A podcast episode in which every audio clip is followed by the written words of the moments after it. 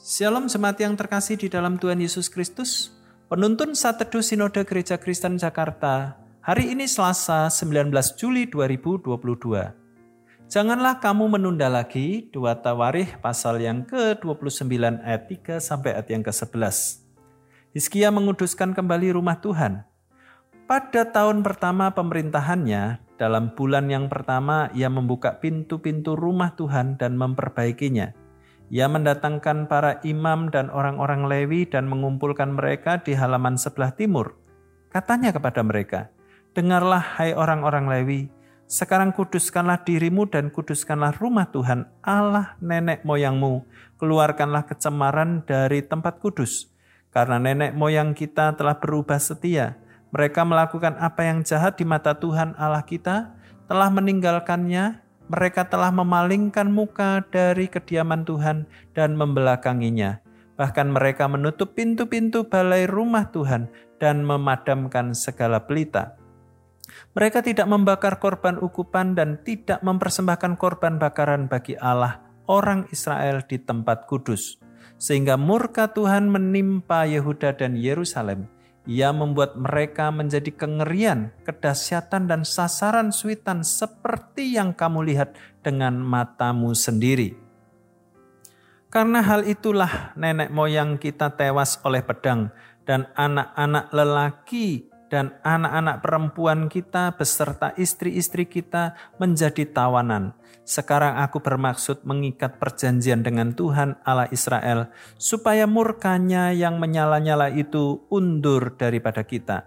Anak-anakku, sekarang janganlah kamu lengah, karena kamu telah dipilih Tuhan untuk berdiri di hadapannya, untuk melayani Dia, untuk menyelenggarakan kebaktian, dan membakar korban baginya. Seorang mahasiswa baru teologi tampak bersemangat memulai kuliahnya. Di buku hariannya, ia menuliskan betapa indahnya dipanggil melayani Allah. Semester berikutnya, ia menyampaikan surat pengunduran dirinya. Ia tidak tahan hidup di asrama dan dalam mengikuti proses belajar. Disiplin dan peraturan di asrama dan bangku kuliah begitu ketat dan berat. Tetapi lima tahun kemudian, ia kembali mendaftarkan diri masuk sekolah teologi. Menjadi pelayan Tuhan memang tidak mudah. Banyak yang undur dan tidak tahan. Demikian halnya di masa raja-raja Israel memerintah. Dosa menyebabkan bangsa itu meninggalkan Allah.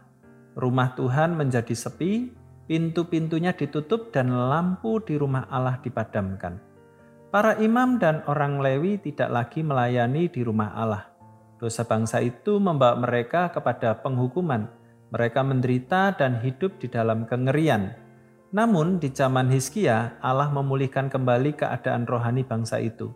Sang raja memperbaiki rumah Allah, ia memanggil para imam dan orang Lewi untuk kembali melayani di rumah Allah.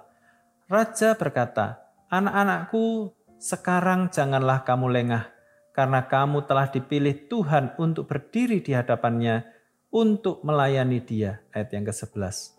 Kalimat jangan kamu lengah lebih tepat diterjemahkan janganlah menunda-nunda lagi. Kita tidak tahu kenapa Raja Hizkia mengatakan hal itu. Apa sebab mereka menunda-nunda atau berlambat-lambat melayani Allah? Tetapi ini mengandung penegasan untuk segera melayani. Mereka harus memiliki semangat yang sama untuk menyelenggarakan ibadah di rumah Allah. Banyak hal yang membuat kita menunda-nunda untuk melayani Allah. Salah satunya perasaan tidak mampu, tidak bisa, tidak punya pengalaman, seolah-olah kita berjuang sendiri dalam melayani Tuhan. Ini pemikiran yang salah. Setiap orang yang dipanggil untuk melayani Dia pastilah diberikan kemampuan untuk mengerjakan pekerjaannya dengan maksimal. Tinggal sekarang kita bersedia atau tidak. Jangan menunda-nunda untuk melayani Allah. Selamat beraktivitas, Tuhan Yesus memberkati.